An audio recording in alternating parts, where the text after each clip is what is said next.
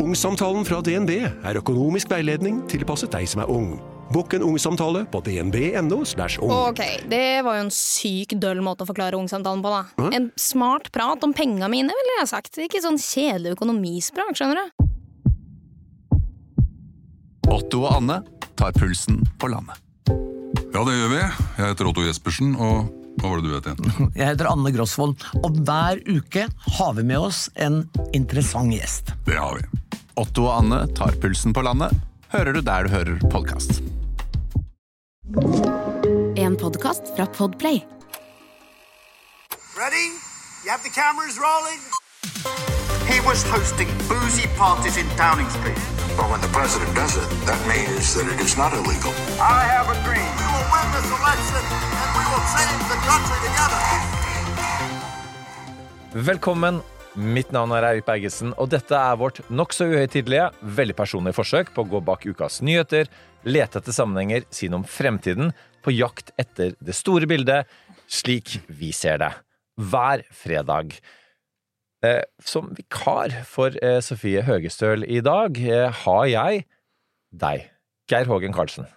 Takk for invitasjonen, Erik. Det blir veldig spennende. Det er jo store ting som står eh, foran oss det kommende året, ikke sant. Jeg, som jeg bruker å si, det er jo i hvert fall fire store områder vi må følge med på, som treffer norsk næringsliv, politikk og samfunn, uansett hva vi gjør med det.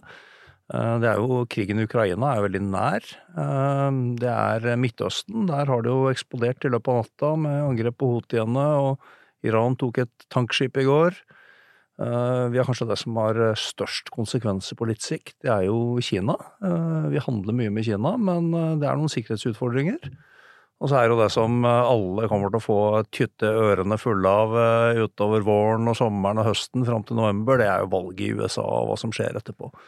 Da har eh, du røpt eh, vi gjennom, og til sammen danner dette et slags eh, trusselbilde som vi møter i 2024. Det er derfor du er her. Og som dere sikkert hører, trente lyttere, så du kan ta eh, Geir Hågen Karlsen ut av et eh, TV-studio, men du tar ikke dette innholdet ut av ham. Dette er noe du har gått og prata om. Du på telefonen i går, eh, i gangen her, på veien her, så har du prata eh, om disse tingene her. Og, men en annen ting de har tatt av deg, er uniformen. Du sitter uten uniform. Ja, nå er det dress og hvit skjorte. Det er uten slips her, da. Det er god stemning. To Ja. knapper oppe og sånn. Ja. Eh, Men jeg har jo bytta jobb, da. Begynte på mandag i uh, Gelmyden krise.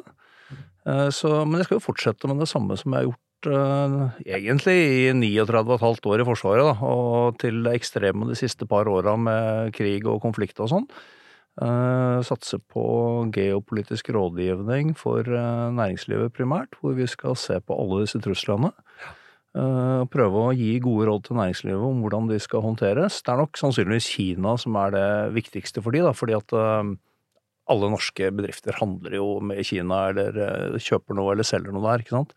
Eller er avhengig av råvarer og mineraler. Eh, Men alt det andre treffer jo, da. Det er klart eh, hvem tenkte på houthiene for eh, ja, et par måneder siden? Eh, Hvem, hvem hadde hørt om det? ikke sant? Du rister på hodet nå. ikke sant? Det er jo kun spesielt interesserte. Så fant vi ut at det gjenget der hadde jo missiler som kunne korke igjen Rødehavet og potensielt sperre en 10-12 av eh, verdens handel. Mm.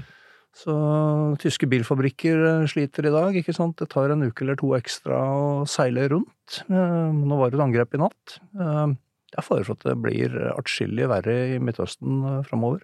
Utenriksministeren var jo Jeg tror han sitter og kommenterer det på nyhetene as we speak.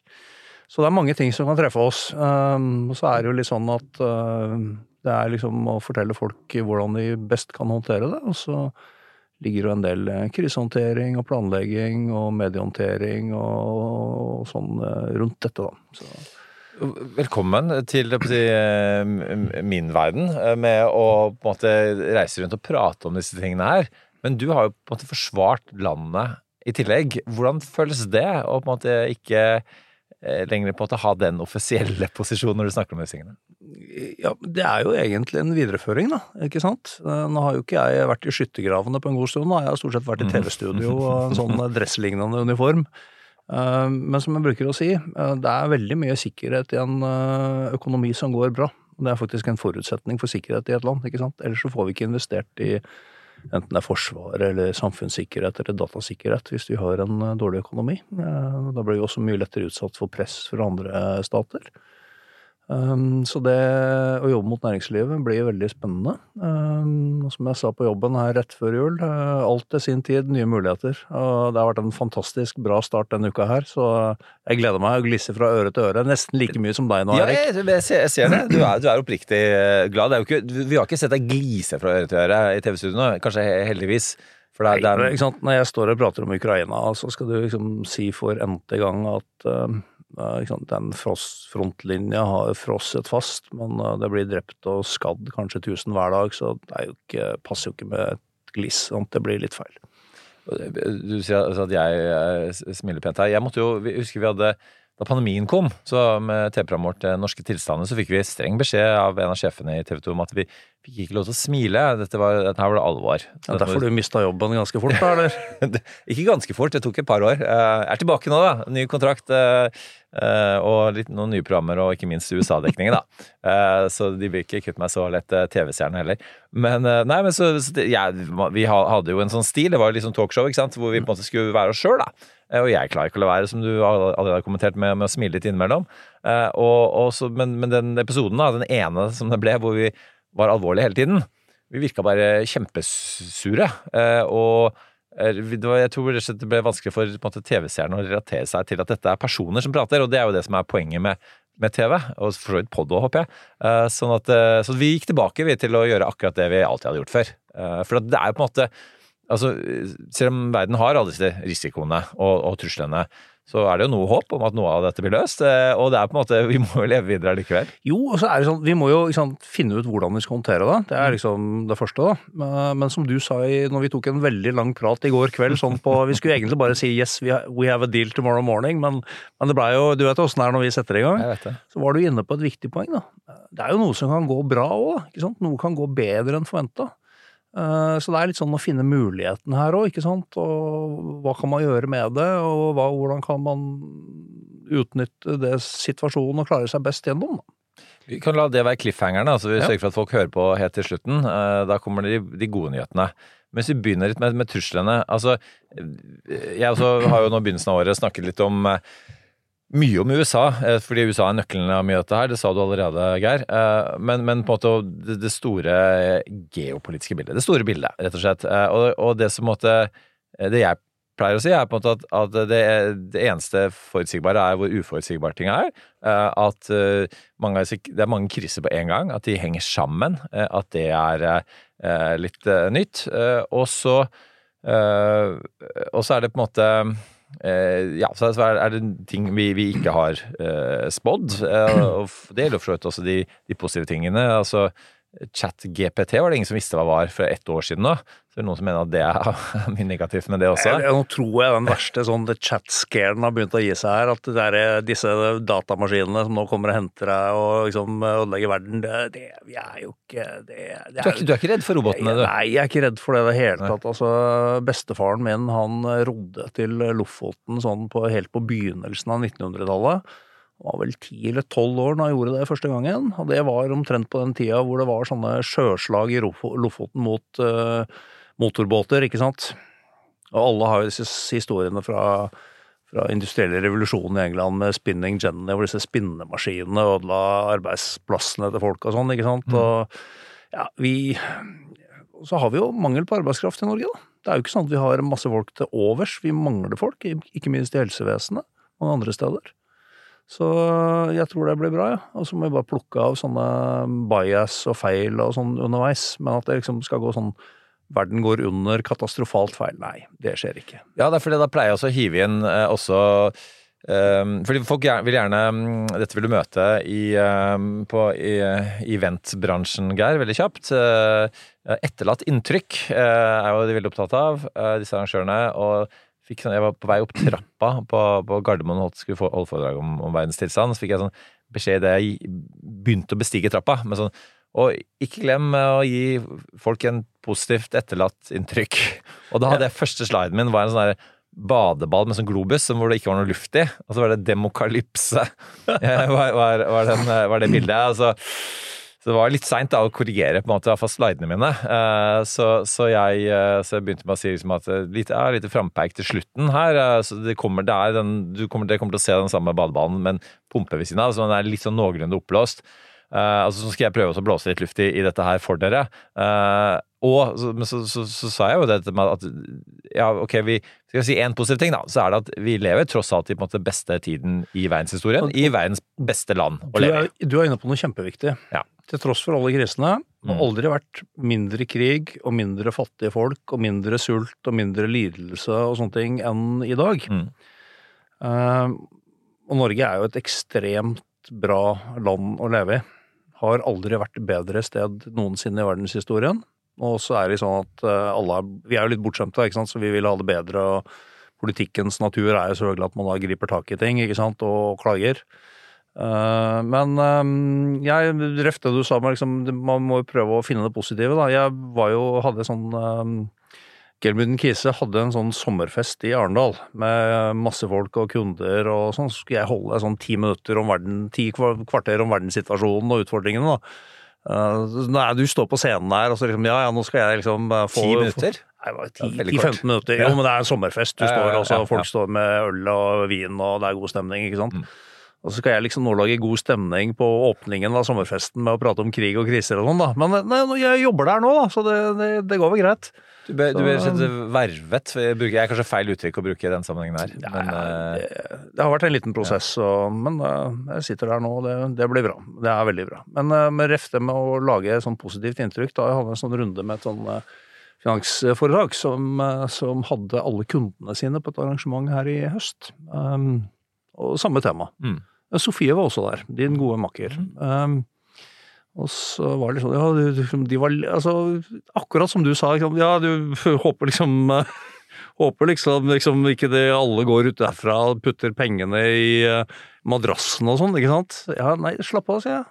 Jeg har puttet mesteparten av pengene mine i fond, jeg, så, så jeg er ikke redd for at børsene liksom går dunken. Men jeg kan nevne det på slutten, så blir alle glad, ikke sant? Så det, du, du, du, du shorter ikke at verden skal gå dårlig. Nei, men altså, for å ta finans, da. eh, Jeg kan jo ikke mye om det. eh, Men eh, historien viser jo at det er smart på lang sikt å putte pengene i aksjemarkedet. Så enkelt er det. Men du, skal vi ta disse krisene? Ja, la oss gjøre det. er, det Vi, la, oss, la oss begynne litt, er- for du er militær fortsatt i, i blodet, så, så la, la oss være litt strukturerte her. Hvis vi tar det som én etter én, så begynn, begynn på toppen. Ja, ok. Vi har, vi har Ukraina og Russland. Vi har Midtøsten. Eh, Vi har Kina, og vi har Det er ikke en krise, men det, en, det, det har innflytelse på alt. Det er USA. Det er de fire. Eh, Europa. Krigen i Ukraina er eh, fastfrosset på bakken. Og det kommer den til å være. Det er, men det er blodige kamper uten at det flytter seg. Og som jeg sa, det dør og blir skadd i snitt 1000 mennesker hver dag. Så det er litt sånn første verdenskrig om igjen. Kan jeg bare stoppe deg der? Fordi, altså, vi snakker om teknologien her, og, Ja. og hvordan man, man, og det ser vi jo, man har fått droner, og, og, man, det er jo lenge siden man begynte å snakke om smartbomber, så har man kanskje skjønt at de kanskje ikke er så altfor smarte allikevel. Eh, og så ender man opp med, som du sier, altså en, en, en krig som har trekk av første verdenskrig. Altså, hvorfor, hvordan, hvorfor ender vi alltid der med kriger? Dronene gjør blant annet at de operasjonene som vi har trent på med å bryte gjennom sperringer og minefelt, de blir overvåka kontinuerlig. Så du blir angrepet av eh, droner som ser på deg, og så blir det skutt angrepsdroner og artilleri og sånn på deg med en gang. Eh, Så det er, du er under overvåkning og ild hele tiden, så det er mye vanskeligere å gjøre en del ting. Eh, Men det er jo også en sånn Det er liksom den første fronten. Du har en annen front, da. Det er jo disse missilene og droneangrepene. Nå har jo ukrainerne klart å jage Svartehavsflåten langt unna, det er bra for de.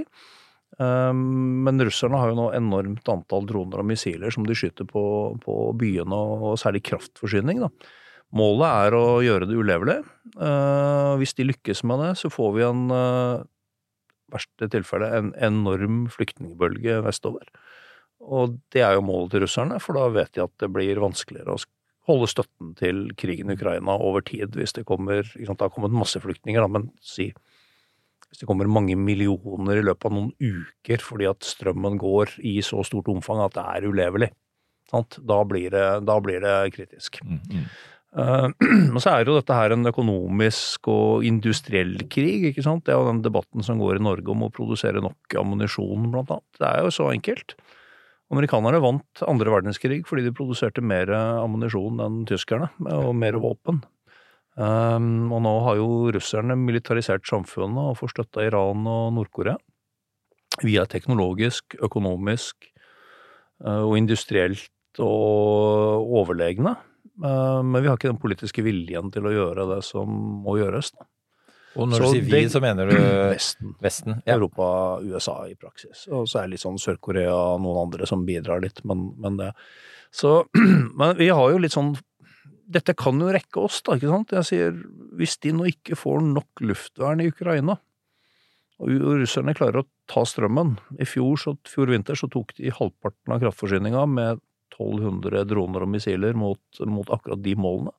Men det ga ikke noe effekt, for at det var eh, ukrainerne beit tenna sammen. Men? Hvis, hvis det rakner, ikke sant. Prøv deg et par uker i eh, Oslo nå uten strøm, da, ikke sant. Det, du stikker. Det går med mindre du har hytte i Nordmarka, liksom. Da kommer de til Vesten. Eh, Og det er en utfordring i dag å håndtere flyktningbølge i Norge. Senest eh, i morges var eh, UDI på radioen og prata om det. Um, ta oss og doble, femdoble, tidoble det antallet. Uh, se for deg en drone som treffer en uh, skolegård i uh, Polen eller Romania, tar livet av 50 unger. Da blir det en kritisk situasjon. Det kommer til å treffe børsene, blant annet. Uh, så finans uh, er, vet jeg jo er veldig interessert i liksom, risikopotensialet her. Det er jo ikke det at vi ønsker krig med russerne eller de med oss, men, men det blir jo en vanskelig situasjon atomulykke, ikke sant. Det kommer også kommer ikke til å rekke hit til Norge, det er usannsynlig, eller veldig, veldig lite sannsynlig. Det blir sånn problem for landbruket over tid, ikke sånn at du må holde deg innendørs, og det, det er det positive her. Men det er klart det blir jo kritisk i nærområdet. Flyktninger. men Det blir en vanskelig situasjon. Så det er en Det er liksom Det ser stille og rolig ut, øh, det er nært, men langt borte, men det kan brått endre seg, da. Da er vi allerede kvarter uti. Har du, du har bestilt eh, kaffe allerede, Geir? På forhånd? Konjakken, da? Eh, den, den, eh, den ligger jo der, den, rett foran deg, ser du ikke det? det er Ja, der, ja! Det var så små glass dere har. Det er jo ikke noe moro. Flaska ligger under bordet. Okay. Bare forsyne seg. Satser på at det ikke klunker, sånn jeg holder unna Men mikrofonen jeg, jeg ble veldig glad da du bestilte en kopp kaffe allerede med eh, til, eh, allerede før vi begynte, for at du visste at du er in it for the long run her. Eh, Men da, altså, altså, noe, vi snakker jo mindre, eller vi med oss i media, og dermed litt offentligheten, mindre om det som skjer i Ukraina. Hva, hva er konsekvensen av det? Og nå gjetter jeg bare at- et- av de er opptrappingen som, som russerne har gjort. At de har brukt det vakuumet som har oppstått, med at verdens oppmerksomhet er en annen sted, ved å opptrappe eh, angrepene. Stemmer det, eller? Nei, egentlig ikke. Russerne har gjort alt de kunne hele tiden i to år nå, ja. Eh, og dette har de en plan for. Og disse store missilangrepene er jo noe du planlegger lenge, og de har spart opp missiler, og de har jobba med å skaffe droner og mer missiler fra Iran og Nord-Korea. Eh, Så det er litt sånn av og til sånn Å, nå er det et missilregn som hevn for et eller annet som skjedde for tre dager siden. Nei, det, det er, dette, dette er en sånn tung dynamikk som går og surrer og går. Eh, Kan russerne trappe opp? Nå har jeg fått spørsmål om Nei, hvis de kunne det, så hadde de gjort det for lenge siden, ikke sant. De Så vi, vi kan ikke lese dette her sånn eh, som jo media gjør, eh, dag for dag, eh, reaksjon og aksjon. Det er, det er, det er et, et lengre, større bilde. Det er de lange, lange linjene her, Ja. ikke sant. Men det store bildet er at um, hvis du ser dette som en kamp om et stykke landområde i Øst-Ukraina, så er det ikke så mange som bryr seg veldig mye. Men hvis russerne lykkes, og hva nå lykkes her, det kunne vært en lang diskusjon, så kommer de til å prøve igjen. Sannsynligvis. Eh, Det er lite som hindrer de å prøve igjen. De kan ofre noen hundre tusen soldater. Økonomien sin bli avhengig av Kina og si at det er en suksess, vi prøver igjen. Dette gikk Vesten ga seg. Da har vi et stort problem i Europa, men da kan vi jo gå rett over til neste krise, da, ikke sant? Da sitter jo kineserne og ser på Taiwan og sier at ja, Vesten gir seg til slutt. Dette kan vi klare. Det har en pris, men vi klarer det. Da har vi plutselig et spørsmål om global sikkerhet i veldig, veldig mange år framover. Eh, og da kan vi kanskje dra rett over i område to, da, som er Kina, ikke sant. Det er jo valg på Taiwan om noen få dager. Ja. Um, mest sannsynligvis så vinner eh, Democratic People's Party, da. De som er De som kineserne ønsker minst, da. Men det, det er usikkerhet her. Eh, De lå bedre an for en stund siden, og Kina har jo pressa Taiwan veldig mye nå. Med, Det blanda seg rett i valget. Det er masse propaganda. De flyr eh, fly og kjører, seiler marinefartøy rundt i eh, 23 sånne ballonger de har kjørt over, og det er mye trusler. Um, Så får vi se. Um, Det som er problemet med Taiwan, er at uh, hvis det blir en Vi, vi kan se det her i, på flere nivåer. ikke sant? Dette er en del av en stor konflikt mellom uh, en rivalisering mellom USA og Kina som har blitt trappa opp uh, i løpet av ja, over tid, da, ikke sant? Uh, vi kan bare ta ting i høst, da, bare som eksempler. USA har jo stramma inn på eksport av høyteknologi. Avanserte mikroprosessorer, produksjonsutstyr, kunstig intelligens osv. Uh, I flere sånne omganger utover uh, høsten. Så først så starta um, Kina med å legge, eller kreve lisens for eksport på gallium og germanium. Det er jo ikke akkurat noe du stikker bort på apoteket som ligger rett under bygget her og kjøper. Men hvis du skal lage avanserte mikroprosessorer og mye annen high-tech, så trenger du det. Og Kina har sånn 90-98% kontroll på de mineralene, ikke sant. Det er jo et signal til USA at det har konsekvenser å begrense oss, ikke sant. Eh, Neste som kom nå litt senere i høst, det var jo eh, kontroll eller krav om lisens på eksport av, av, eh, grafitt. Ja, det High-end grafitt er helt nødvendig for batteriproduksjon. Mm. Per nå så Hvis du skal ha alternative kilder, så koster det mye mer. Og hvis hvis det blir i sånt større volum, så vil det ta tid å bygge opp produksjonskapasitet andre steder. Så det, det begrenser batteriproduksjonen. Det, det traff jo, eller ville jo typisk truffet Freyr, da, men da ble jo de truffet av i det amerikanske Inflation Reduction Act isteden. Men, men dette er bare eksempler på sånn opptrapping som skjer. Og så driver EU og begynner å granske subsidier på elbiler, på vindturbiner, biofuel, de har vel lagt eh, toll nå på plastflasker, eh, fordi kineserne subsidierer i stor grad for å underby markedet, ikke sant, og slå ut industrien i Vesten, ikke sant. Um, så det er liksom den der rivaliseringa mellom EU og særlig USA og Kina, nå, og, den kan egentlig treffe norsk næringsliv ganske, ganske fort på litt uforutsette måter. Eh, Samtidig så har du konflikten rundt Taiwan, ikke sant, som da er en sånn parallell opptrapping med foreløpig med press. Men hvis man tenker seg at den eskalerer til f.eks. blokader rundt Taiwan eller større cyberangrep, ikke sant, og du vet at nesten alt avanserte mikroprosessorer kommer fra Taiwan, og USA sannsynligvis kommer til å svare, og veldig store deler av verdens handel går jo da liksom gjennom Sør-Kina-havet, og sant? Kina er jo fortsatt verdens fabrikk, ikke sant?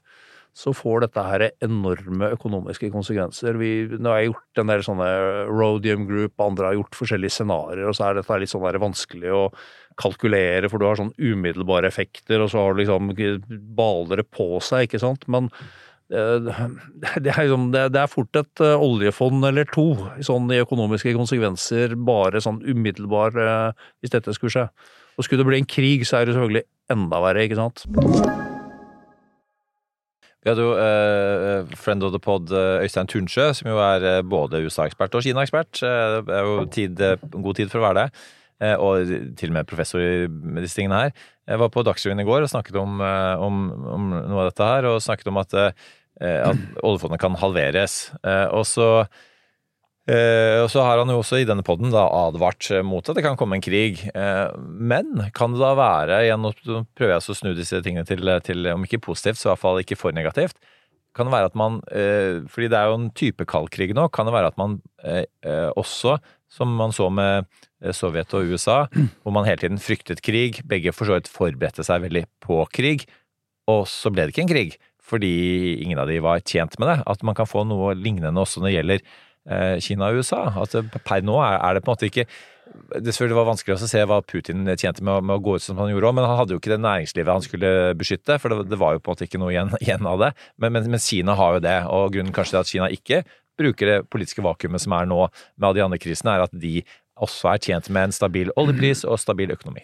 Kina lever jo og eksporterer til verden, ikke sant? så det har en ekstrem pris for Kina hvis dette kommer helt ut av balanse, ikke sant. Eh, Og det er jo som du sier, det er, det er, altså, det er ingen som har en løsning på Taiwan akkurat nå. Eh, Løsningen er at det blir uavklart. eh, De er ikke selvstendige, men de er heller ikke kontrollert av Kina. Og at alle har en viss interesse av at det fortsetter å være sånn. Og så er det litt sånn sparke ballen bort, bortover gangen, som amerikanerne sier, og så får man se hva som skjer senere. ikke sant? Og så får man håpe at uh, Kina ikke tar en sånn Putin, at de tar støten. Men det, det vi kan gjøre aller mest for å unngå det, det er å sørge for at Russland ikke lykkes i Europa. Som jeg var inne på i sted. For lykkes Russland i Europa, så kan jo Kina konkludere med at dette går, selv om det har en høy pris på kort sikt. Ehm, det er vel egentlig liksom litt av svaret rundt det. Men, men summa summarum, uh, uten å gå liksom inn i alle disse her eh, EUs granskinger av subsidier og alle mineralene og tingene som kan sanksjoneres og sånne ting, så er det potensialet for at dette treffer norsk økonomi ganske stort. Eh, Indirekte via børsfall og konsekvenser globalt, og direkte fordi at vi, vi, får en, eh, vi får en eksportbegrensning på et land som vi trenger, eller de sanksjonerer norsk eksport til Kina av en eller annen grunn. Ikke sant? Men vi er jo en bitte liten brikke i dette store spillet, ikke sant. Og det her tenker jeg en, eh, svaret er to ting, egentlig. Det jeg har sagt da, gjentatte ganger i mange år, det er at øh, Og det er begrep som EU bruker, er de-risking. Redusere risiko. Vi kan ikke koble oss fra Kina. Det er jo en vill fantasi. Ja. Eh, Men redusere sårbarhet. Eh, Typisk sårbarhet ville være å kjøpe et 5G-nett fra Kina i dag. Det er, det er ingen i Europa som gjør. Men er jo andre store digitale prosjekter, sånn som digitalisering av jernbanen til over 30 milliarder. Det er ikke sikkert det styringssystemet som liksom sitter i midten av det skal kjøpes fra et land vi ikke har sikkerhetssamarbeid med, som vi bruker å si, da, ikke sant?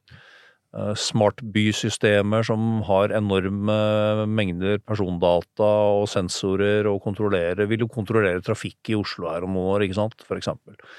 Eh, Og så er det å redusere avhengigheten, ikke sant. Finne alternative leverandører. Lage planer for hvordan du skal håndtere eventuelle sanksjoner, og se framover på liksom, hva som kan treffe deg. Da, ikke sant? da kommer du ganske langt. Ja, fordi hvis vi Og så, men det Ja. siste poenget mitt. Ja. Ikke det aller siste så, poenget, tror jeg. nei, men i forhold til det. Og så må vi jo utnytte økonomiske muligheter med handel med Kina. Ja. Prata med Sjømatrådet her eh, en stund før jul. Hvis de får opptil 30% mer for fersk laks i Kina enn i Europa, så er det jo ekstremt dumt for norsk økonomi å ikke selge den laksen i, eh, i Kina. Det er bra for eh, folk som jobber og bor langs kysten, det er bra for norsk økonomi. Og tilbake til det som jeg sa i sted, det er utrolig mye sikkerhet i en eh, god og vellykka økonomi. da. Det er en forutsetning for sikkerhet, egentlig. Men hvis du trekker en sånn parallell mellom de to konfliktene, Geir, og så, og så ser at eh, Ok, vi, En Donald Trump for eksempel advarte jo veldig mot eh, for eksempel energiavhengighet eh, mellom eh, Tyskland og, og Russland, eh, for eksempel, og han fikk jo rett eh, i det. Eh, Og så Det har var man sånn legendarisk eh, var det var i EU-parlamenter hvor liksom alle disse tyske politikerne bare satt og lo, ikke sant? Og så ja, Sorry, men uh... Det er noen eh, YouTube-opptak der av, av Trump som slår i bordet. Det var ikke det at ikke Obama også advarte uh, før. ja, altså, det- dette har amerikanere egentlig advart mot siden Ja. 80-tallet. Jeg har sånne gamle topp hemmelige strateginotater fra Reagans tid på 80-tallet. Hvor det var liksom, Hvordan skulle vi drive økonomisk egentlig undergraving av Sovjetunionen? da, Tidlig 80-tall. Og så var det et, et sånt punkt da under Energy. Det var liksom eh, eh, Develop eh, Norwegian North Sea Oil Fields. Det var liksom amerikansk strategi.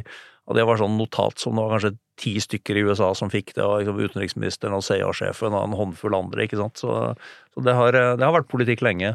Håper ikke du har gjort sånn som Trump, at når du slutter eh, jobben din, å ta med disse dokumentene og ha de liggende på, på toalettet ditt, f.eks.? Disse er nedgraderte, da, så og, Og det er ikke du som har nedgradert det, sånn som Trump sa? ja, jo, jeg Han- nedgradert hele da, Dette har vi faktisk ganske bra systemer på. Jo, men ikke Men, men poenget Ja, mitt er ja. Mm. historien er litt interessant. Du. Det er greit å se tilbake. Det meste av dette har Det er mye å lære av historien. Å trekke litt lange linjer på dette her. Det er eh, Henry Kissinger, som jo som nå er død, han skrev eh, en særoppgave i grunnfag statsvitenskap som het eh, What can we learn from history? på 200 sider. Så det er eh, ja, Den har ikke jeg lest. Men Eh, siden vi driver med sånne sånn medie, mediegreier, da. Ja. er En som jeg brukte å sitere Kissinger på når han var utenriksminister. Eh, Det blir litt sidespor, da. Nei, Men, eh, dette er et program full av sidespor. eh, Men eh, så var det sånn pressekonferanse i State Department, da, og så kommer han inn, og hele pressekorpset sitter der, og så sier han vet du, Good morning, ladies and gentlemen of the press. Does any of you have any questions for my answers? Det er noen i norske militære som kunne gjort det samme. Det er vel noen par norske politikere også som hadde klart å ta den, Uh, tatt den. Ingen nevnt, ingen glemt. Nei, nei, ikke begynn å ramse opp nå. Eh, men eh, altså, hvis vi ser på den herre Ok, så, så vi, da, vi har i hvert fall nå skjønt med Russland at uh, kritisk infrastruktur, det må vi faktisk uh, Som du sier, altså, vi må, vi må ikke bare med Russland f- f- redusere risikoen, vi må nærmest fjerne det. Og så sier du at, at det får vi ikke ordentlig til med, Uh, men når det gjelder Kina. Eh, eh, og, og, og det er en villfarelse. Samtidig så, så var det en av Apropos villfarelse. vi- Man trodde jo i sin tid at man eh, ved å handle med disse landene eh, økonomisk, så vil man da altså liberalisere økonomien, så vil man liberalisere politikken. Mm. Og sånn ble det jo ikke. Det var veldig optimistisk. Ja. Men, Hvorfor- vi er- men det vi var, det var litt sånn arrogant vestlig tenking. Sant? De blir nok som oss, bare de, vi får handle og de får hørt litt på hvordan vi tenker. Så, så syns de menneskerettighetene og alt det andre som, eh, som vi syns er genialt, det kommer de til å kjøpe, ikke sant. Men det er jo ikke sånn. Og det kunne vi jo ha lært av historien for lenge siden, for dette har jo vært prøvd tidligere tider å liksom kolonialisere ikke bare kontrollere, men også omstille, ikke sant. Og det, det møtte jo motstand, det, hele veien. Jeg har jo vært på Balkan med kriger der på 90-tallet og utover. Det er bare historien på Altså, serberne prater om slaget på Kosovo Polje i 1389, ikke sant? Det, det er litt sånn eh, Nei, det, vi, liker ikke det, vi liker ikke de andre og hvordan de tenker. Men bare en ting rundt det med sikkerhet og Kina og sånn, ikke sant. Jeg, jeg tenker at Og sikkerhet generelt. Vi skal jo ikke ha sånn maximum security-samfunn. Albanerne prøvde det under den kalde krigen. Jeg vet ikke om du husker de der de hadde sånne betongbunkerser i alle veikryss og sånn, ikke sant, og hadde en, var helt isolert, så det var kjempesikkert, ikke sant. Og dagens versjon er jo Nord-Korea, ikke sant, de er også kjempesikre, ikke sant. Eh, For øvrig en konsentrasjonsleir med atomvåpen, ikke sant. Så det, vi skal ha tilstrekkelig sikkerhet. Ikke sant? Da det gagner samfunnet på mange måter, og det gagner økonomien. Og den åpenheten vi har hatt i Norge, både økonomisk og på andre måter, har jo tjent oss ekstremt godt i alle år. Ekstremt godt. Vi har tjent veldig mye penger på det, og det har blitt et veldig åpent, demokratisk, inkluderende samfunn. Og det må vi huske på. Let's go to the Middle East, område nummer tre. Da, Da gjør vi det. Vi kunne vært lengre her, eh, Geir. Men, eh, og, og det vi eh, det man jo snakker om nå, er frykten for en eskalering. Og det som skjedde i natt, som du allerede nevnte her i starten, var jo at og, og du beskrev det selv her på veien i studio, at uh, houthiene fikk seg en på tygga. Ja, øh, dessverre på en måte, for var, alle har jo prøvd å få deeskalert den konflikten, ikke sant? Uh, men de har nå skutt så mye på, på uh, handelsfartøy gjennom Rødehavet, og etter hvert også på marinefartøy til britisk og liksom ble beskutt mest her, så dette har jo britene og amerikanerne forberedt en stund, så nå har de fyrt løs med missiler på, på rakettbas, eller rakettutskytingsramper og radarer og ammunisjonslager og sånne ting. Um, på kort sikt så vil nok det sannsynligvis føre til at Rødehavet er et sted hvor få, eller om, eller om noen seiler, ikke sant. Så det vil jo få direkte konsekvenser for ting som skulle nå ha kommet inn i havnene i Norge, ikke sant. De Mm. kommer en uke eller to senere. Og hvis det varer, så vil det jo akkumulere seg, ikke sant, for det er jo ikke sånn Det blir jo da kø av, og, og alle fartøyene bruker lengre tid, så det blir jo verre enn bussene i Oslo når det er kaldt, ikke sant. Det blir jo, det blir jo forskyver seg bortover. Ja. Det blir dyrere. Uh, og så er det jo den der eskaleringsfaren i Midtøsten, da, ikke sant. Det har vært en forferdelig krig på Gaza nå i over tre måneder. Store tap, store ødeleggelser. Så har det vært litt skyting rundt omkring. Men det har vært ganske lokalt, da. Og den skytingen rundt omkring i, eh, i, fra Sør-Libanon med Hezbollah Det har vært angrep på briter og amerikanere i Irak og, og Syria. Og så har houthiene skutt noe. Det har vært liksom innafor det, skal vi si det innafor noen sånn ikke helt offisielle røde linjer. Men nå har det trappa opp, ikke sant. Eh, Det store utfordringen er jo hvis du får en og bak alle disse aktørene så står jo Iran. ikke sant? Det er jo de som gir de missilene, og det er de som støtter det. ikke sant? Så uten Iran så, så vil jo mye av dette stoppe opp. Uh, men hvis vi får worst case, da, en storkrig med Iran, Israel, USA, kanskje Saudi-Arabia ikke sant? Hvis Iran begynner nå å skyte på olje- og gassinstallasjonene i Midtøsten, Hormuzstredet, da, ikke sant, vil jo da stoppe mye olje- og gasseksport. Um, så står vi i en veldig, veldig annen situasjon. Uh, olje- og gassprisene kommer til å eksplodere. Uh, det får direkte konsekvenser for krigen i Ukraina, fordi at uh, veldig mye militære ressurser kommer til å bli brukt der, og da blir det ikke nok missiler og luftvern til ukrainerne. Og da skyter russerne enda mer på kraftforsyningen, og så kommer flyktningene hit. ikke sant? Så her kan, her kan vi se for oss at liksom, Nå prater jeg worst case, men dette kan bli riktig ille. Uh, så, så, og så tror vi jo at Iran ikke ønsker en storkrig. Det er, det er jo alle analyser tilsier det. Um, Ayatollah Khamenei er 84 år gammel. Han kommer til å bli bytta ut uh, av åpenbare grunner ganske snart. Det er uklar maktkamp. Iranske økonomien er veldig, uh, veldig dårlig, og de har hatt store opptøyer og protester en, ja, en, et års tid tilbake etter sånn kvinner som ble arrestert for manglende skjallbæring, og så ble slått i hjel, og så ble det protester, ikke sant? Ehm, Så det er jo vanskelig å si at de ønsker seg en storkrig midt oppi det der.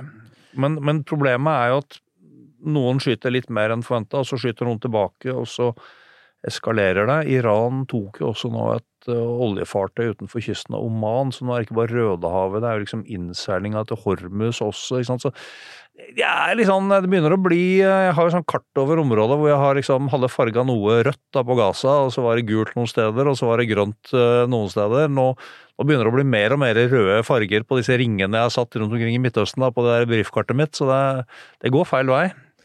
Hvis du, hvis du ser på, eh, også igjen her, da, det føler jeg er min oppgave i denne podden her, eh, å se noe av det positive med det. Fordi eh, USA har blitt kritisert for en, en for sterk støtte til Israel. Så, så vet vi at, at de, de har gjort Nå har vært på sin fjerde tur der nå. Vi vet at, at det er mye de sier bak kulissene som jo ikke kommer frem i offentligheten av, av åpenbare grunner. Men man får gjennom media inntrykk av, av at, at at, at USA dilter etter eh, Israel, men en av de tingene på en måte de kanskje ikke har fått eh, nok eh, positiv oppmerksomhet rundt, er jo på en måte den innsatsen som tross alt er blitt gjort for å eh, deeskalere situasjonen, som, som har gjort, gjort at Iran måtte ikke ha involvert seg mer aktivt enn at disse her hutiene og disse mindre grupperingene rundt omkring har hatt spredte angrep.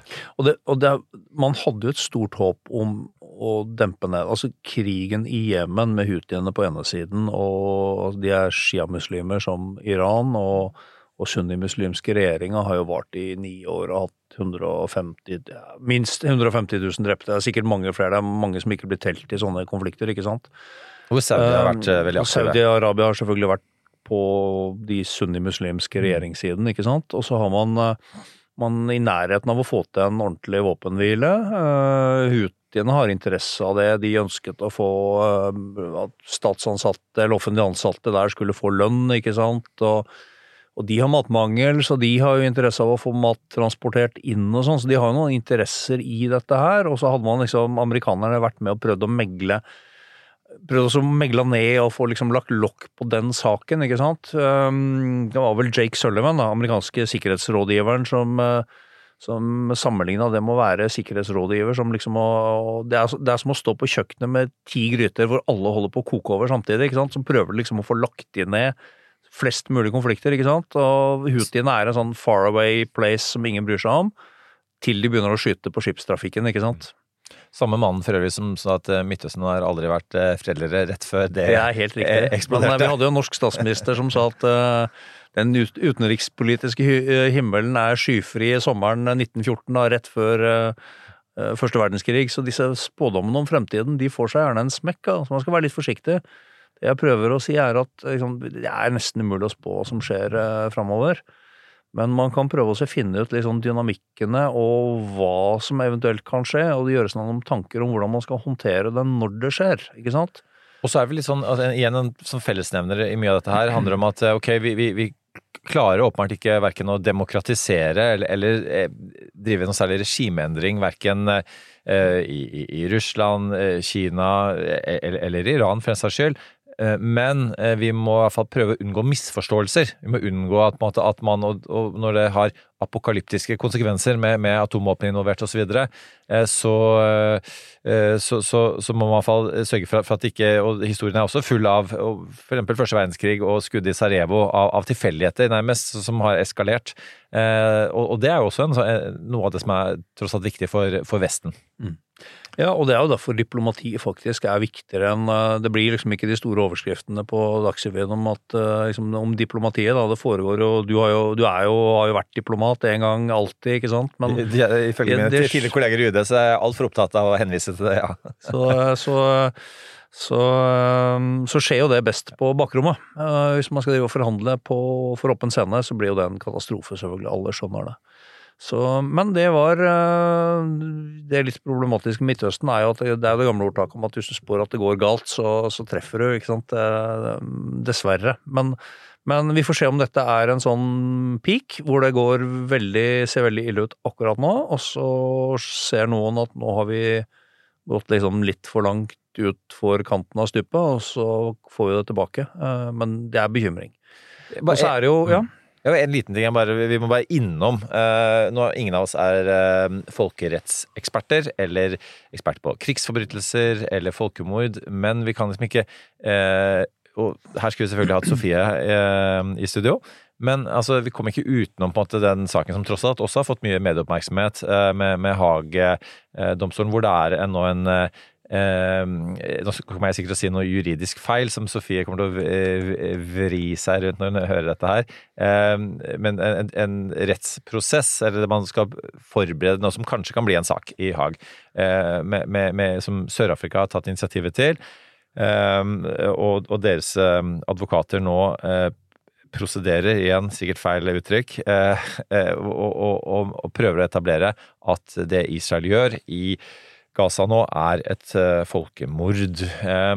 Hvor, og vi har sett at eh, offentligheten i mange land har snudd seg mot Israel og er mye mer kritiske. eh, og er Norge er jo ganske tydelige. Og så er det en diskusjon rundt boikott og så videre, men, men bare altså, liksom, beskrivelsen av situasjonen. Har du noen kommentar til det, Geir? Tenker du på selve liksom, casen som Sør-Afrika prøver å kjøre? Ja, i realiteten det. Ja, den, den dreier seg jeg, jeg tror for å bli dømt Eller jeg, nå er dette en høring for å se om det er en sak som de skal Ja. ta opp. Ja. Uh, så det er jo første trinn i en veldig, veldig lang prosess.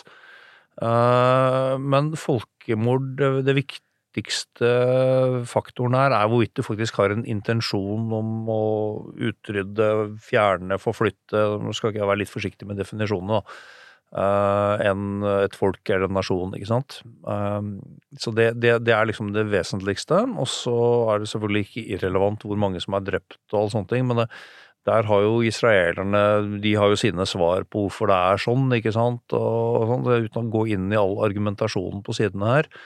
Eh, Men det er det første trinnet. Det, det, det den eh, domstolen kan gjøre, eh, det, det er sånn jeg skjønner det, det er å gi Israel et pålegg om å stoppe krigen.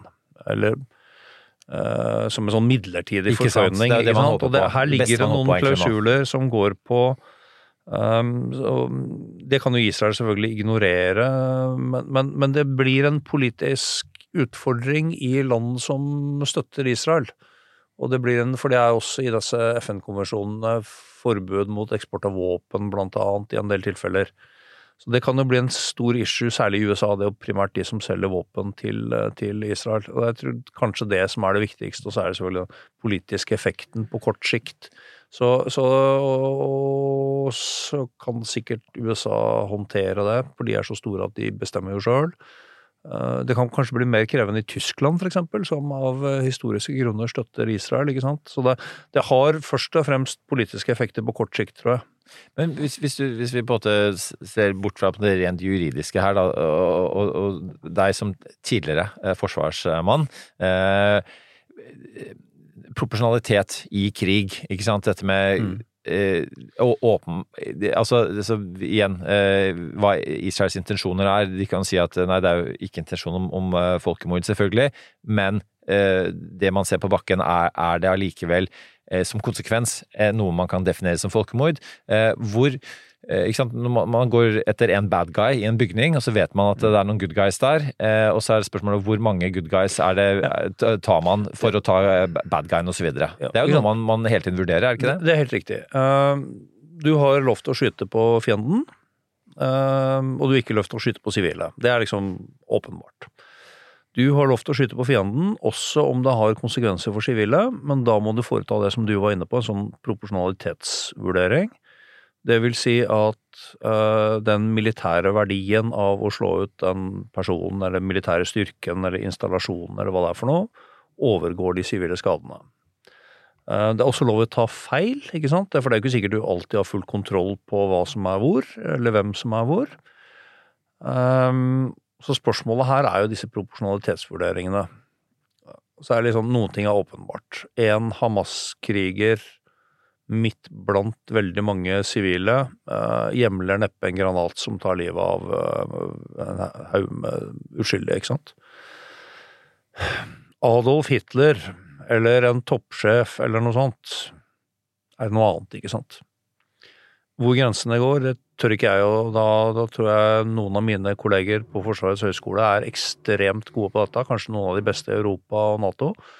Eh, Sofie er kjempeflink på det, og det finnes noen andre, de skal få lov til å vurdere det, men det, det er sånne vurderinger. Og så vil selvfølgelig dette kompliseres av at Israel og sannsynligvis riktig, så vidt jeg skjønner, så, så bruker Hamas systematisk eh, og gjemmer seg i sivilbefolkninga, herunder også under og rundt sykehus og sånne ting.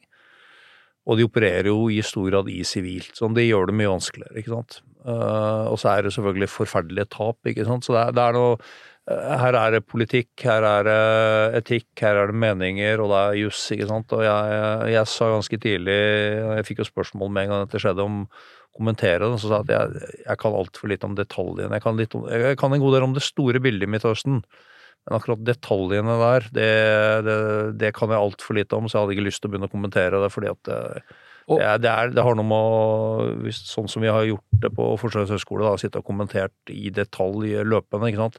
Da må du være inne i Da må du ha et ordentlig grunnlag for å mene noe, tenker jeg. Og, og vi skal ikke gå inn i detaljene, og vi vet hvor komplekst det er, og vi vet at det, det er moralsk komplekst, og så vet vi at eh, det er jo Samtidig så er det fullt mulig å si at, at sivile lidelser eh, er galt. Eh, full stopp.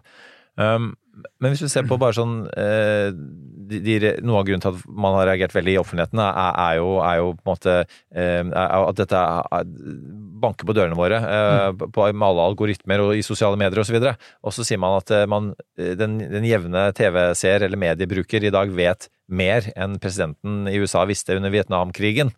Eh, Er er det en litt overdrivelse? Og hvordan, hvordan det- men- forandrer mediebildet disse krigene?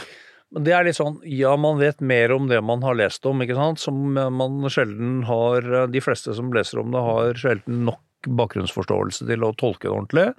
Og med sosiale medier så vet du aldri helt Eller hvis du ikke bruker tid på å sette deg inn i det, eh, så vet du aldri helt om det stemmer, eller om det er veldig sånn eh, biased i en eller andre retningen, ikke sant. Og så er det litt sånn med hvor mye trenger å vite om veldig masse detaljer og engasjere deg i akkurat hva som skjedde et lite sted med noen få mennesker, som kan være forferdelig nok for det gikk liv og var en tragedie, versus å prøve å holde det overordna bildet. Uh, ikke sant? Så det, det er litt sånn perspektivet du legger på her.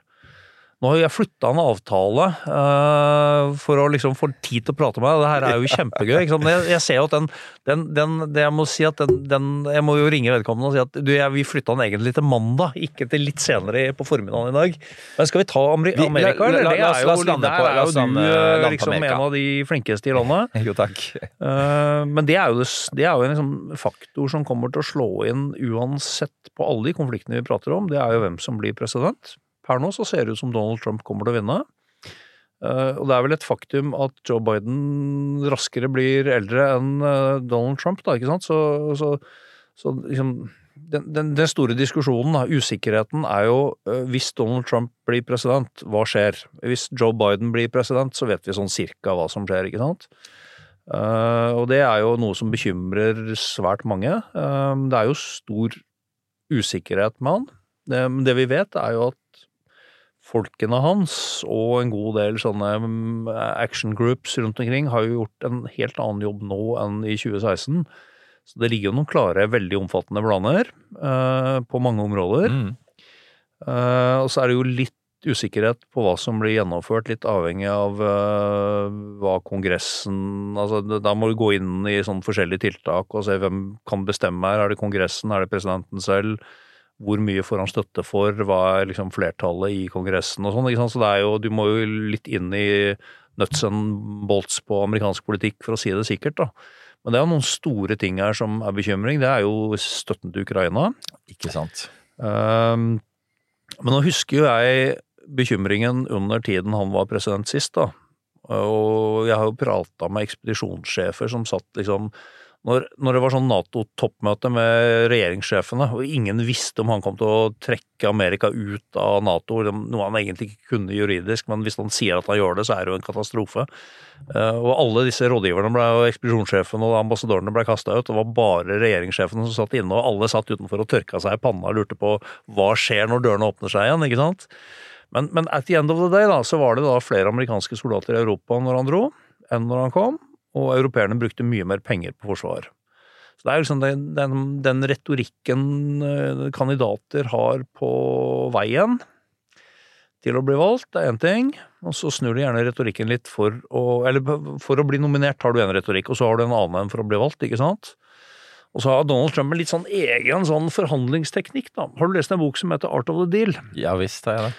Og er, ikke sant, det er jo den ene boka om Donald Trump fra 87, liksom. Han skrevet eiendoms- Truthful eh, Hyperboles. Ja, ja nå, nå er du inne på det, ikke sant. Men det, det, det har, dette rådet har jeg gitt alle som har noe med Amerika å gjøre. Enten det er journalist, særlig journalistene som skal kommentere det, analytikere, politikere, diplomater. Les det kapittelet i den boka som heter eh, Art of the Deal. Er Et kapittel det er veldig kjapt lest, eh, med Trump cards. Det er sånn ti-tolv sånne forhandlingsteknikker, ikke sant. Og du var jo inne på det mest fantastiske uttrykket, ikke sant. Det er sånn eh, creative hyperbole, ikke sant. Uh, han brukte det på eiendomsmarkedet, så var det sånn uh, Alle eiendomsmeglere vet at location, location, location er liksom tingen, men man sier det er for dyrt. Det er for dyrt. Så jeg kjøper noe som ligger et par kvartaler bortenfor, mye billigere. Og så bruker de creative hyperbole på liksom å øke prisen der du har handla, ikke sant. Og det er jo sånn han driver i politikken nå, ikke sant. Han skremmer jo vannet av folk. Og så er det selvfølgelig ustabilitet som, som nøkken, så det er flere ting. Men, men det er litt viktig å gå bak retorikken og se hva som skjer. Men det er jo noen store ting der. som støtten til Ukraina er åpenbart viktig. Nå vet jeg og du veldig godt at amerikan, et av de største strategiske fordelene Amerika har i forhold til andre, det er at de har virkelig allierte. Så jeg tror at det sitter langt inne å kaste liksom allierte på båten, eh, i både i Asia og Europa. Men at han spiller hardt for at vi skal betale enda mer for sikkerhet i Europa i framtida, det, det tror jeg vi kan regne med. Men det er andre store ting, da. Det grønne skiftet. Paris Climate Accords, det er bare re gå rett i søppelbøtta. Mm, Og som jeg var inne på i sted, så må man begynne å se litt hva, hva det egentlig betyr i praksis, hvor fort og hva, hvem vedtar hva og sånn. Uh, Inflation Reduction Act. Uh, Som egentlig handler mest om klima. ja, det handler om mange ting. Det handler om jobber i USA og sånne ting. Ikke minst det også. Mm. Uh, Men det, ja, det er mye som er pakka inn der, men, men, og den er jo kjempeviktig for norsk næringsliv. Det er jo en grunn til at nå Freyr stoppa opp batteriproduksjonen i Norge og drar til Amerika fordi subsidiene er så store der. Um, han har vært ganske tydelig på å trekke tilbake mesteparten, ikke sant. Så det kan, det, altså her er det noen sånne store utslag, ikke sant. Ja, og straffetollen på 10% på alle varer som kommer til USA, antar jeg er et forhandlingsutspill. Ja, det er det, jeg- Jeg tror det blir mange spennende forhandlinger framover. Full jobb for diplomater og næringslivsfolk og deg og meg som skal prøve å liksom sorte ut det store bildet og se på konsekvensene. Men det som skjer i USA, det har jo store konsekvenser på de andre områdene. Enten det er eh, Europa, Ukraina-krigen, Midtøsten og Kina. Så eh, jeg frykter jo ikke noe sånn veldig arbeidsledighet eh, i året som kommer. Nå ser jeg du glisser fra øre til øre, ikke sant? Ja, ja, det, det, og det er jo ikke meningen, gitt når vi akkurat er i ferd med å lande hele trusselbildet. Og det er ikke meningen å, å, å, å, altså, Men du kan si at det positive da, med dette, jeg, dette eh, bransjen da, eh, som, som vi er i, som vi skal prøve å formidle de risikoene vi står overfor, er jo på en måte at tenker jeg, at, at dette er jo først og fremst en stresstest for demokratiet. Eh, og, og dette er jo en måte, sånn som USA er jo midt oppi det nå, å på en måte definere og redefinere eh, hva man er som demokrati. Og så skjønner man at man, man, er, man er nødt til, til selv til å, eh, til, til å delta, til, til å engasjere seg i demokratiet for å, for å bevare det. Og det er jo, som Churchill sa, at det, demokrati er det beste av de verste styresystemene. Det er jo helt avhengig av at, eh, av, av at folk mm. eh, gjør sin stemme kjent. Og, og ja, eh, Putin eh, overrasket eh, verden med å angripe Ukraina. Zelenskyj overrasket verden med å forsvare Ukraina. Men det var fordi at folket ønsket det. Og, og grunnen til at man fortsatt eh, kriger, er jo at folket i Ukraina ikke vil bli en del av, av Russland. Um, men jeg tenkte jeg skulle bare Vi kan jo gå, bare for landing her, Geir. fire kort til inn på bordet som vi ikke Oi. har diskutert. Og det ene er jo cyberangrep, ikke Ja. sant? Eh, som egentlig treffer alle. Store, små, offentlige og private. Og det kunne vi prate om hele dagen. Um, andre er terror. Det har vi liksom tona ned ganske mye i Norge de siste åra, men det, det er jo nabolandene våre har jo heva terrortrusselen, så det er jo en, en ting som jeg tror uh, vi kan bli verre. Særlig hvis det varer lenge i Midtøsten, så vil det typisk slå over i terrortrussel i Europa. Eh, Vi var litt inne på flyktningebølger. Eh, Det tror jeg kanskje vi må begynne å se mer på hva skjer hvis det kommer millioner fra Ukraina og, og vi får en ny runde fra Afrika og Midtøsten. Og så har vi liksom de her store, liksom eh, ordentlige liksom dark horses, da, med sånn naturkatastrofer eh, Vi hadde jo um, sånn eh, utbrudd på Island òg. Få en ordentlig sånn kald vinter med masse askeskyer. Det, er, det er jo en del ting som som det, er, det er flere ting som kan skje, da. Og så går det gjerne litt bedre enn det som du har vært inne på flere ganger. Da. Det går jo gjerne litt bedre enn worst case, da, men det er greit å liksom, ha en plan for å håndtere de forskjellige tingene. Eh, ab- absolutt. Og, og det er jo eh, det er jo det er du som har dårlig tid her, så må ikke du hive inn flere kort, eh, Geir? Jeg har hele stokken i lomma her. Jeg. men men igjen, kan, vi kan prøve å avrunde litt da, med, med, med å gjenta det at, at USA er jo på en måte nøkkelen i mye av dette her. Eurasia Group, som ledes av Ian Bremner, de hadde en sånn risikoanalyse.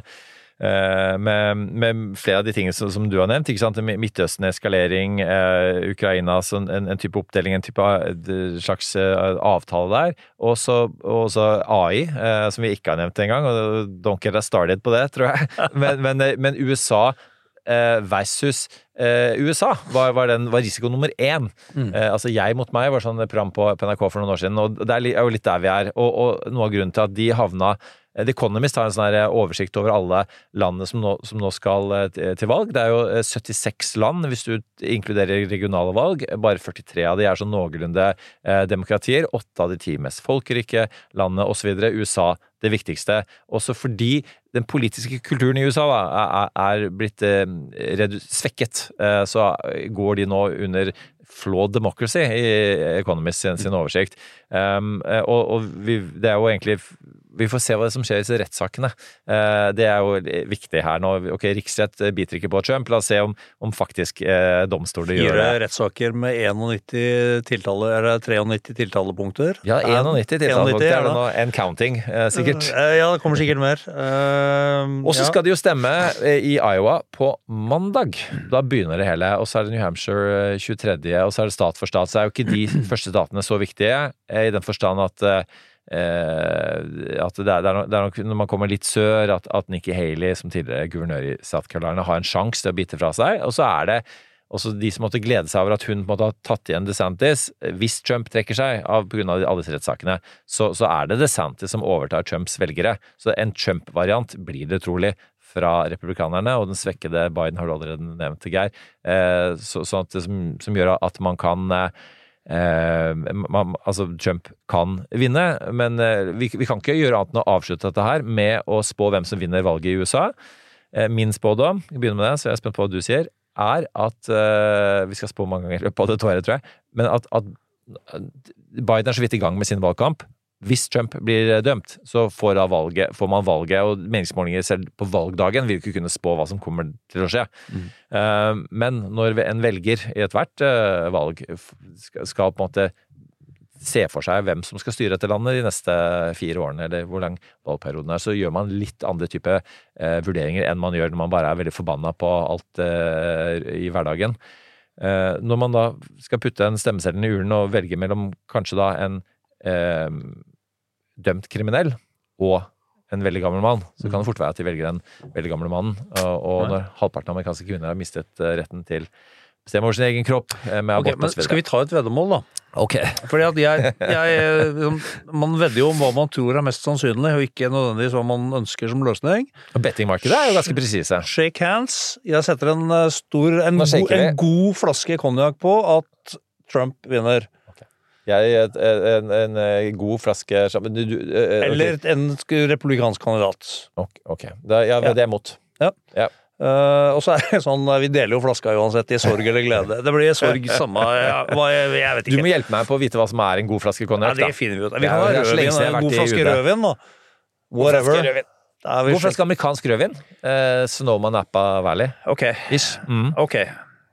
Da er vi der. Og da må du forklare eh, helt til slutt her hvorfor du tror Trump Jeg, jeg tror at altså Joe Biden har vel lenge vært ansett som for gammel.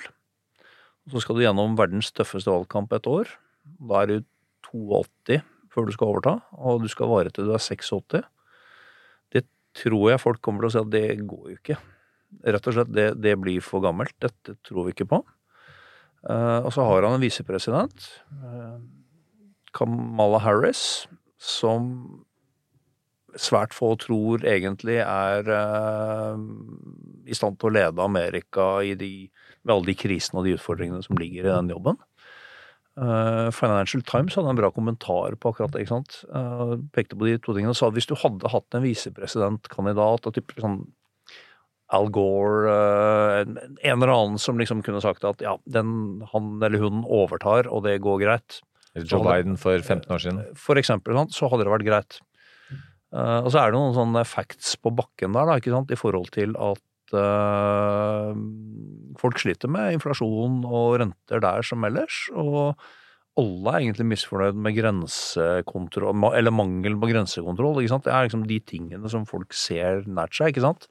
Selv om makrotallene går bra, så er det liksom Det er fint, men det er ikke det jeg bryr meg om som velger. Og så tror jeg faktisk eh, de aller aller fleste av Donald Trumps velgere er helt immune mot om han blir dømt eller ikke. Det, det, det, det har vært så mye støy med han i så lang tid. Og så kan man like eller mislike resultatet, men øh, øh, hvis det ikke skjer noe events my dear boy på veien her som endrer dette radikalt. Det blir interessant å se. Jeg tror at eh, en av grunnene til at du kan få rett, er eh, det man nå gjør med å ta Trump eh, av valgcellene i en del utvalgte stater. Det blir nok flere også. Og der svetter jo demokratene internt, fordi ja, 14. grunnlovstillegget punkt 3 som sier at hvis du støtter et opprør mot konstitusjonen, så er du ikke valgbar. Samtidig så det er mye man kan komme trekkende med av gamle paragrafer, både i amerikansk og norsk grunnlov, som folk tenker at "Hm, ja, hvor relevant er det egentlig? Og man etterlater inntrykk av at dette er en juridisk kamp som burde vært på den politiske arenaen. Eh, og, det, og da spiller man litt sånn Trumps spill også, fordi at mm. han skal jo, han ønsker jo å rettsforfølge politiske motstandere.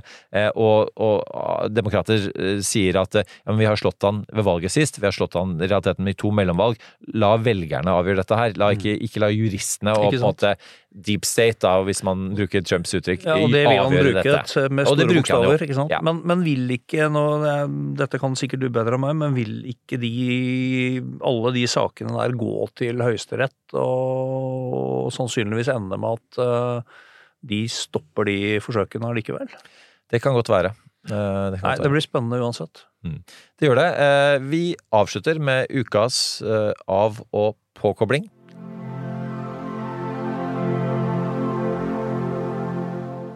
Ja. Geir, har du noe du, eh, du kobler deg veldig på med, eller kobler, har du, er du i stand til å koble av i det hele tatt? Det lurer Ja, jeg på. ja, jeg bor jo på Slemdal, så hvis jeg kan eh, kaste meg i bilen ti minutter opp på Frognerseteren og skøyte innover og få en god treningsrunde ja. ja. Det er veldig slitsomt, særlig i begynnelsen av sesongen.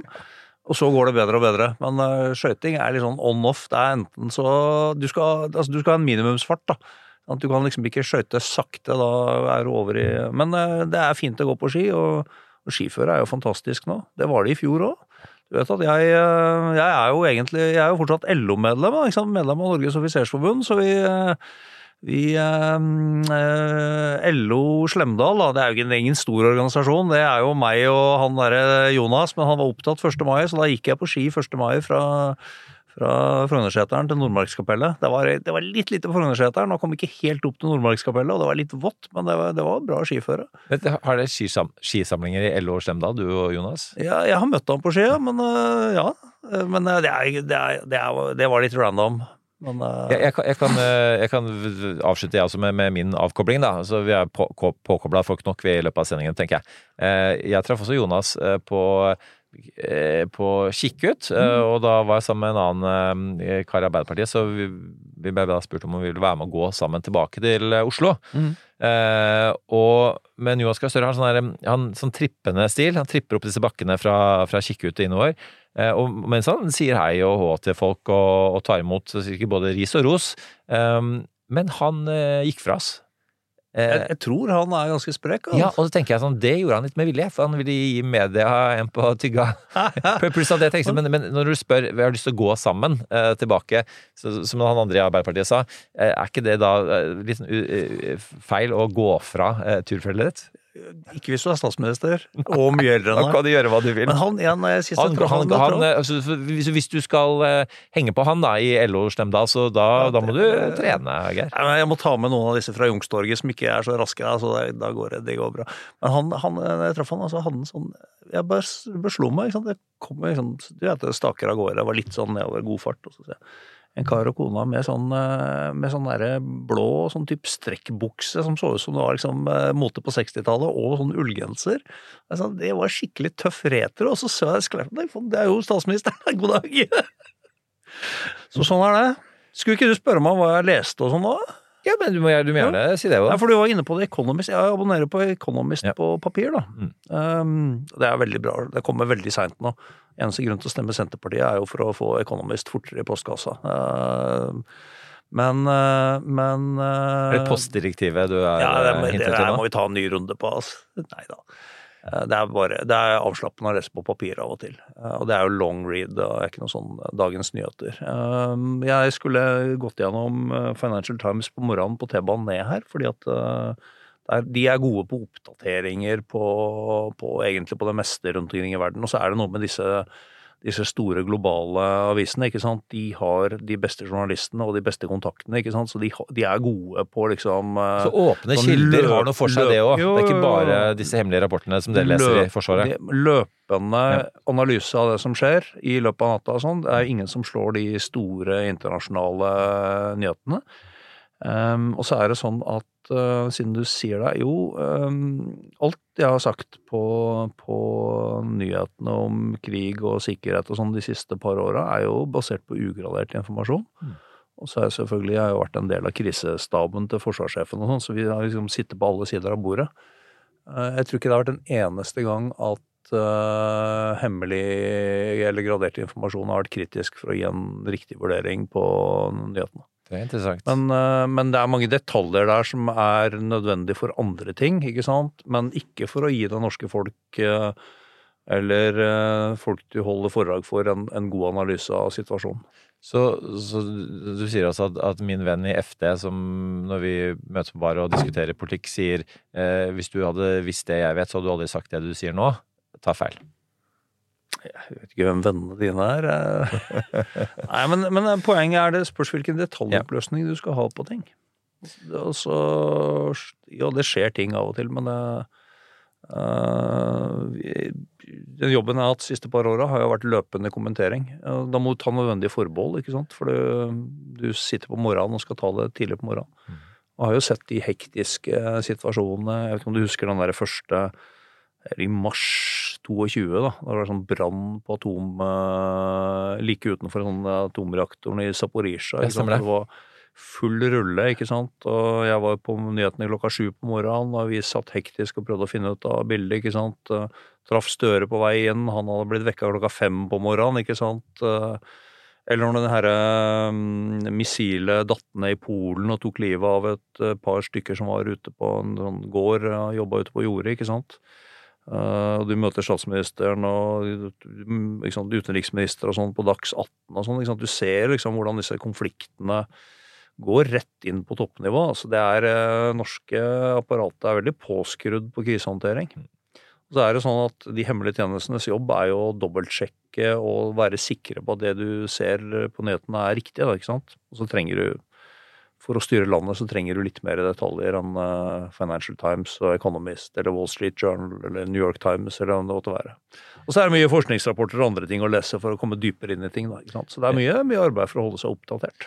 Jeg kan bare- Min eh, sånn leseanbefaling blir eh, Jeg nevnte allerede, allerede Eurasia Groups eh, analyse, som ligger ute opp mot nett. Så er eh, en annen friend of the pod, Richard Gowan i International Crisis Group. Den kan man lese.